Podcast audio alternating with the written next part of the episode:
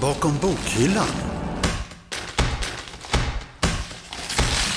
Eller ska det vara den stackars kodaren som sitter och eh, har programmerat in det där och det blev något fel så att den motorgräsklipparen tyckte att äh, men gatorna är fina att åka runt på. Allt eh, loggas ju i bilar. Eh, den datan är ju säkert mycket värdefullt för biltillverkarna. Men vem ska äga den datan? Eller är det någon som ska äga den? Liksom, hur vill man förbättra människors liv? Och utifrån det sen se, okej, okay, vad, är, vad, är, vad finns skyddsintressen? Välkommen till Stockholms universitetsbiblioteks podd Bakom bokhyllan som eh, den här gången går eh, vidare från förra avsnittet då vi berättade om hur juriststudenterna får lära sig att söka i bibliotekets juridiska databaser för att eh, sätta sig in i det tvärvetenskapliga ämnet rättsinformatik, alltså juridiken i det digitala informationssamhället. I det här avsnittet går vi vidare med aktuella forskningsfrågor som eh, rättsinformatiken måste ta itu med inför morgondagens digitala informationssamhälle där eh, tekniken syns ta över och styra våra liv allt mer och mer. Ja, vem vet, när tar eh, robotarna över egentligen? Återigen så möter vi universitetsadjunkten Kristin Stor vid eh, juridiska institutionen Stockholms universitet som eh, också kommer att berätta om sin eh, egen forskning inom juridisk informationssökning. Men vi börjar med ett litet men naggande gott exempel på AI-teknik.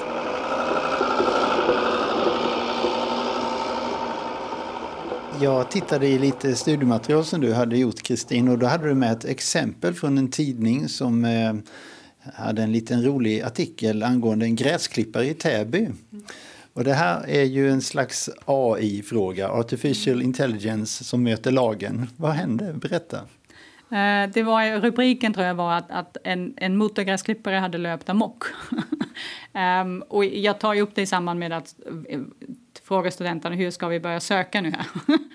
Om du får en sån fråga, vart ska du börja? Um, eh, sen diskuterar jag faktiskt inte frågan så mycket närmare med studenterna, men bara det att, att ibland egentligen bara uppmärksamma, ibland har vi situationer som jurister som vi inte vet på en gång hur vi ska lösa dem. Um, och då gäller det att ta tunnelbanekartan och se, okej, okay, men det är nu en fråga om ansvar. Om det händer något i trafiken eh, så kan det vara civilrättsligt eh, ansvar eller straffrättsligt ansvar. Um, och då är frågan till att börja med, men vem ska ha ansvar överhuvudtaget? Och det är en fråga som diskuteras just nu inom, inom AI. Eh, nu, ja men det var nog självgående motorgräsklippare så den har nog kanske lite AI. Pytteliten AI.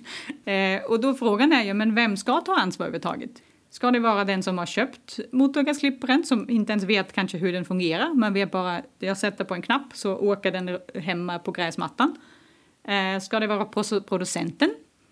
Eh, det finns ju lösningar på det i olika sammanhang där producenten tar ett ansvar. Även om den kanske inte är skyldig till någonting, men bara det att man producerar vissa produkter, då ska man ha ett ansvar. Eller ska det vara den stackars kodaren som sitter och eh, har programmerat in det där och det blev något fel så att den motorgräsklipparen tyckte att äh, men gatorna är fina att åka runt på. um, eller är det så att man kanske inte har tillräckligt skyddsmekanismer i, um, i motorgräsklipparen så att någon kan hacka sig in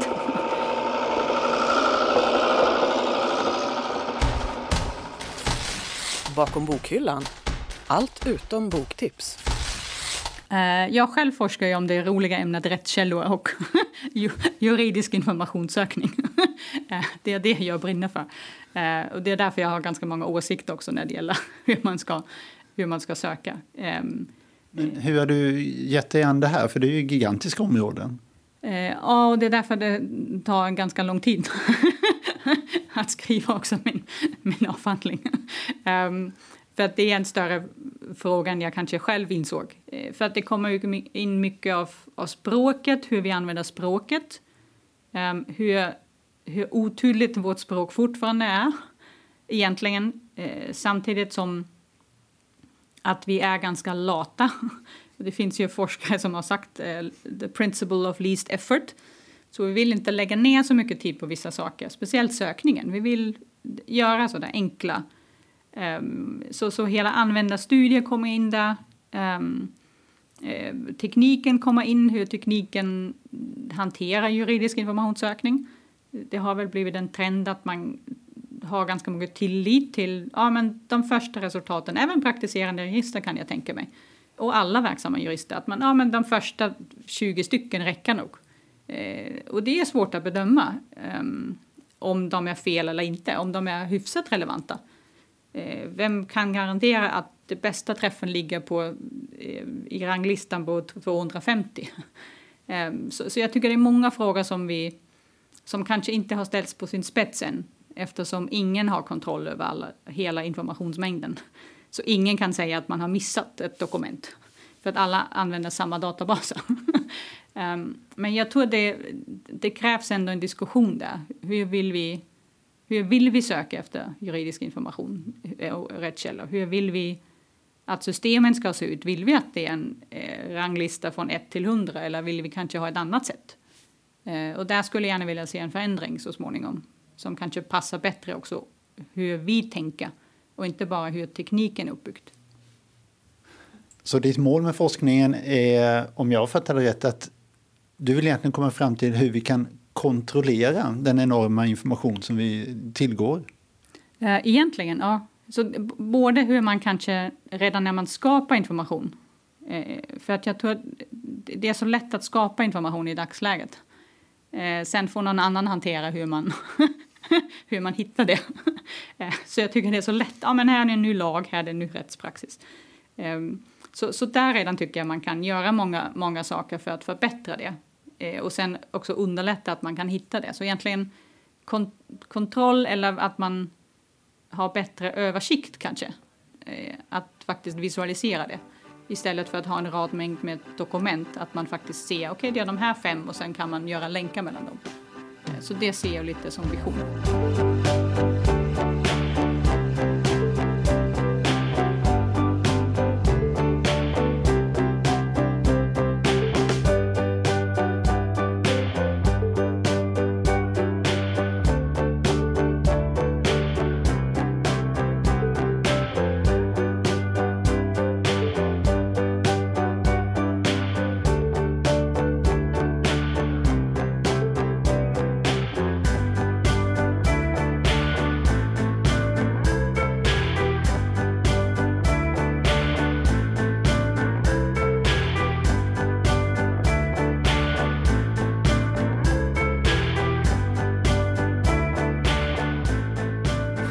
Kristin, vad är det för forskningsfrågor som Stockholms universitet driver på din institution i det här, inom rättsinformatik? Mm.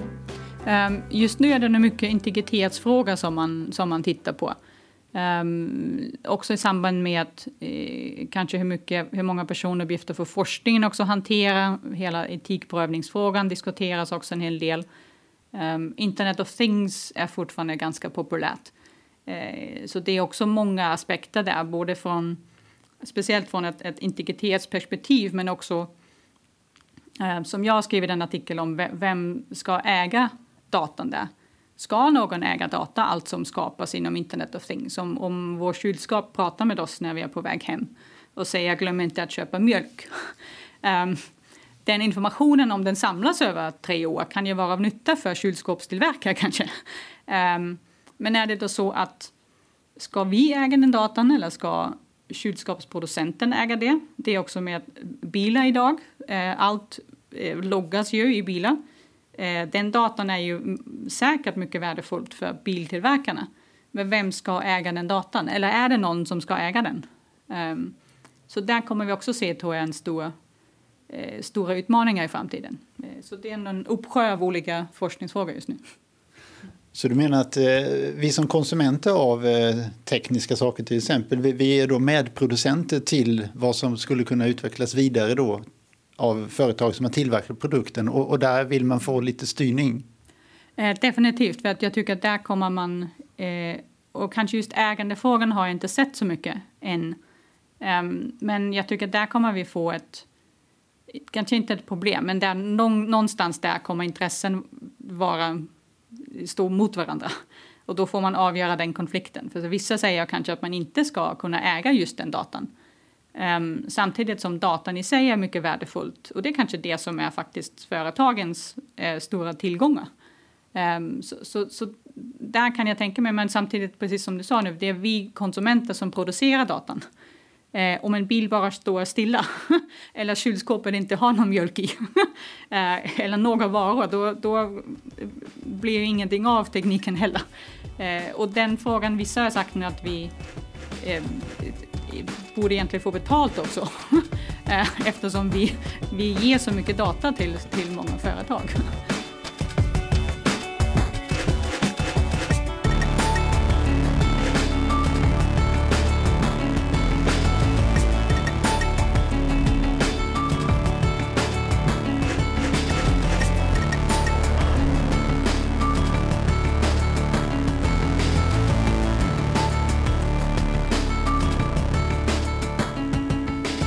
Går det att eh, ringa in det här området rättsinformatik historiskt? Har det forskats på länge eller är det, är det ett nytt område? Hur, gammal, hur växte det fram? Um, i, I Sverige startade det faktiskt på 60-talet redan. Och det var nog tack och lov Peter Seipel, professor emeritus. Eh, det var nog han som eh, satte igång den vetenskapliga forskningen i, i, i Sverige. Ehm, två av mina kollegor som är på, professorer nu i, i rättsinformatik, de skrev sin avhandling på 90-talet om både AI och rättsautomation.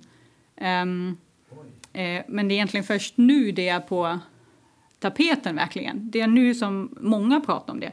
Eh, så det är också ibland en utmaning när, när tiden är rätt. eh, för vilka ämnen. För att egentligen teman har nog diskuterats ganska länge. Eh, sen hade man ju andra teknologier på 90-talet, ehm, delvis. Man pratar, men det är grund, grundfrågeställningen är nog samma idag. Eh, för att rättssystemet har inte ändrats så mycket. Eh, vi är fortfarande demokrati. Eh, det, så det, det, vi vill fortfarande ha mänskliga rättigheter. Så det är ändå Um, det är lite spännande att, att man kommer tillbaka lite till, uh, ja de här sakerna har vi pratat om för, för 20 år sedan. Uh, men nu pratar man om dem igen och det, är det nu? Ja, förhoppningsvis. Vad står vi inför för stora samhälleliga utmaningar då som rättsinformatiken måste ta itu med? Eh, jag tycker nog AI är nog en av dem för där händer det tror jag väldigt mycket inom forskningen just nu, rent den, den tekniska forskningen, när man pratar AI-forskning händer det en hel del. Eh, och där är det nog bra att, att, som jag sa tidigare, att filosofer, etiker och jurister är med på något hörn där. Att man inte att man diskuterar först, men hur vill vi att samhället ska se ut? Um, att vi inte plötsligt är där och sen oj, vad ska vi göra nu? Så där händer det en hel del. Uh, och det är, många, det är många positiva saker, så jag tycker definitivt att AI kommer och kan förbättra våra liv. Uh, det gäller bara kanske att ha vissa gränser. Uh, här vill vi kanske inte att våra liv förändras. Ehm, så eh, integritetsfrågan tror jag är vi definitivt inte färdiga med.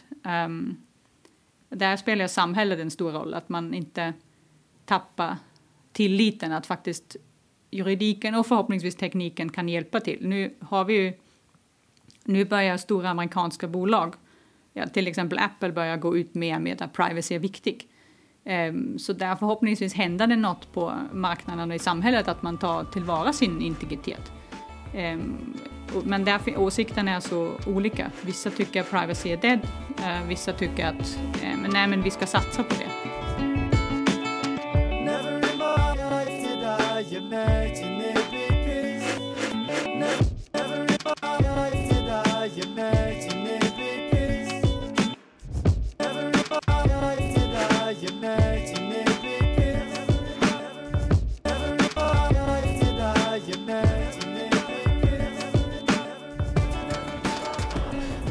AI används ju inom medicin väldigt mycket till exempel.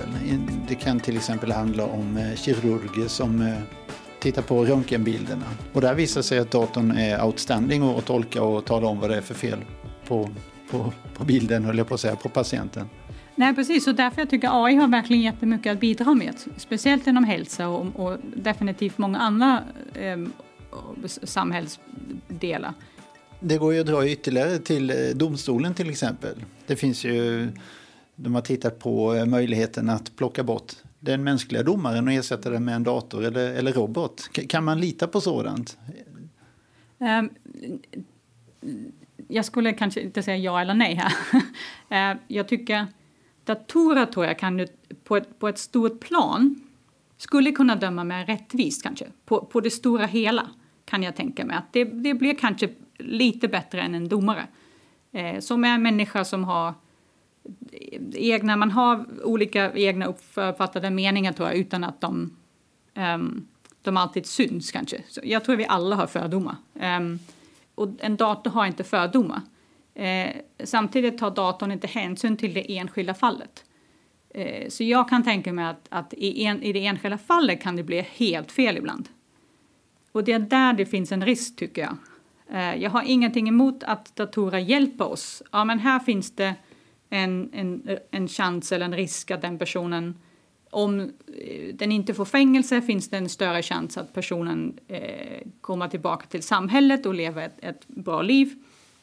Men den här personen, det finns en stor risk. Så att, eh, jag tycker att kombinationen är, är nog lösningen, skulle jag säga.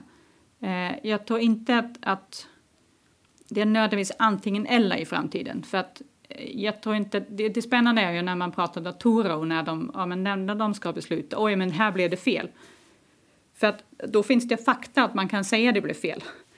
När det gäller mänskliga domare är det ju ingen, vem bedömer när någonting är fel eller inte? För att du har inga matematiska eh, du, har ingen, du har ingen fakta att bygga argumentet på att något blev fel eller inte.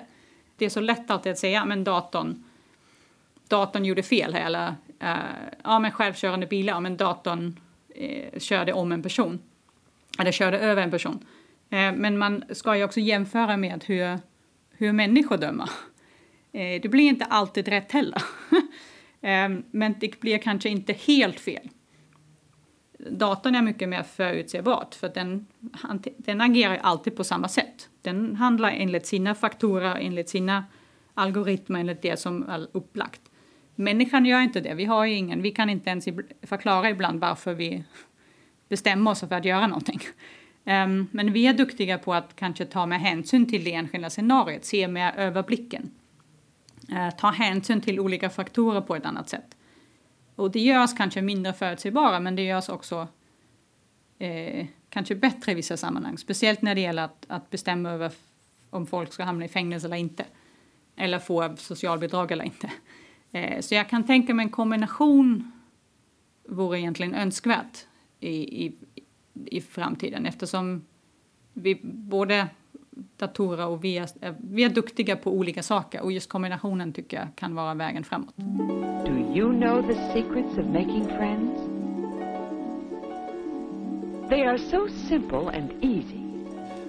Men Kristin, hur ska egentligen forskningen inom eh, rättsinformatiken kunna skapa liksom, långsiktiga förutsättningar för morgondagens samhälle? V vad är det rättsinformatiken kan göra där? För utvecklingen går ju så fantastiskt snabbt inom ja, till exempel AI. Då. Mm.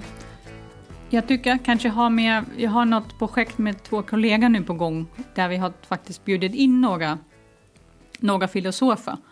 Um, för jag tycker inte heller att nödvändigtvis bara vi jurister har svaren. Eh, men där man kanske kan utgå mer från hur vill vi att samhället ska se ut istället för att um, springa efter lite tekniken. För det är det jag tycker som händer just nu. Eh, även lagstiftaren. Eh, man springer lite efter tekniken eftersom ah, nu kommer det en ny teknik, nu måste vi ha en ny lag. Eh, nu kom det databaser och nu är det Facebook, då måste vi ha GDPR som säger att man kan, ska, ska få ut sin data. Ehm, så jag tycker byta lite perspektiv, tänka mer kanske hur vill vi ha att samhället ska se ut. Um, jag skulle gärna vilja se en app som säger att nu gör du någonting fel. uh, så tänk om vi skulle få en varning liksom varje gång. nu håller du på att göra någonting olagligt. Eh, som någon slags, så en slags GPS liksom. Som säger om du gör så här liksom, då är du på rätt väg. Ehm, I alla olika sammanhang. Så det behöver inte vara något brott utan även så där, jag vet inte, köpa saker online, ja men om du använder den sajten istället då får du bättre villkor. Eh, ja men gå inte med på, i Facebook utan gå med i det sociala nätverket. Då, då, de har bättre villkor när det gäller privacy. Eh, och sen finns det något sätt att ändå kommunicera. Ehm, eh, så jag tycker att, att man tar något mer eh, till att börja med att de har någon, någon valmöjlighet men också lite mer, okej okay, vad är målet? Ja men målet är väl alltid hoppas jag ett bättre samhället. Så liksom, hur vill man förbättra människors liv? Och utifrån det sen se, okej okay, vad är, var ligger gränserna där? Vad, vad, är, vad finns skyddsintressen? Eh, skyddsintressen är nog, tycker jag, ändå personens integritet. Att vi har någon slags kontroll eh, över vår data. Eh, men då är det också att det ligger i tekniken. Om jag om hur jag använder min bil eller min kylskåp inte ens lämnar kylskåpet um, då är ju det inbyggt i tekniken att den informationen inte sprids någonstans. Eh, så jag tycker mer någon, ja, något långsiktigt men också hur kan vi våra, hur kan vi sen programmera in våra önskemål också? Inte bara att oj, nu har det hänt något och kommer in juridiken, utan mer att juridiken ska komma in redan under processen. Och det har de gjort försök att man kanske i bilar man måste blåsa i någonting och se om man har druckit eller inte. Annars kan man inte starta bilen. Eh, så jag tycker tekniken kan ju komma in i så många olika eh, som gör att då juridiken efterföljs kanske mer. Så jag tycker det finns massa saker att, att bidra med men det gäller ju att, att hitta den dialogen någonstans. Vem man nu ska ha den dialogen med. Mother thinks that's a good idea.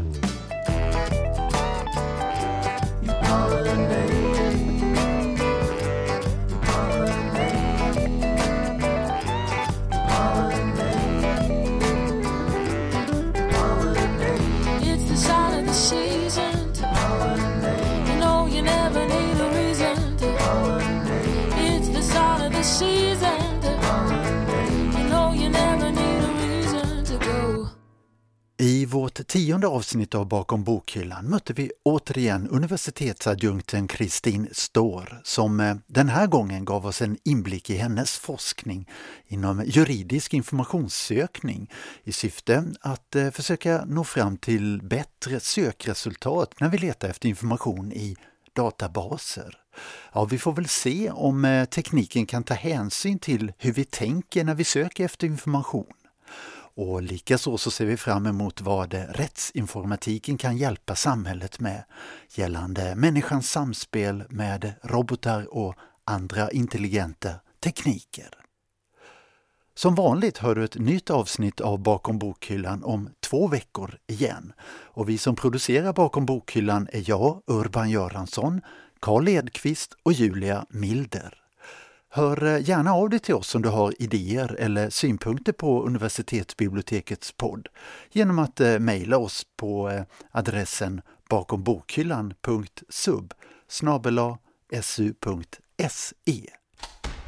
All musik och ljudeffekter som spelas i det här avsnittet är licensierad under Creative Commons och programsignaturen Die Zeitung är komponerad av Stefan Levin. Och musikinformationen, ja den hittar du på universitetsbibliotekets webb su.se biblioteket.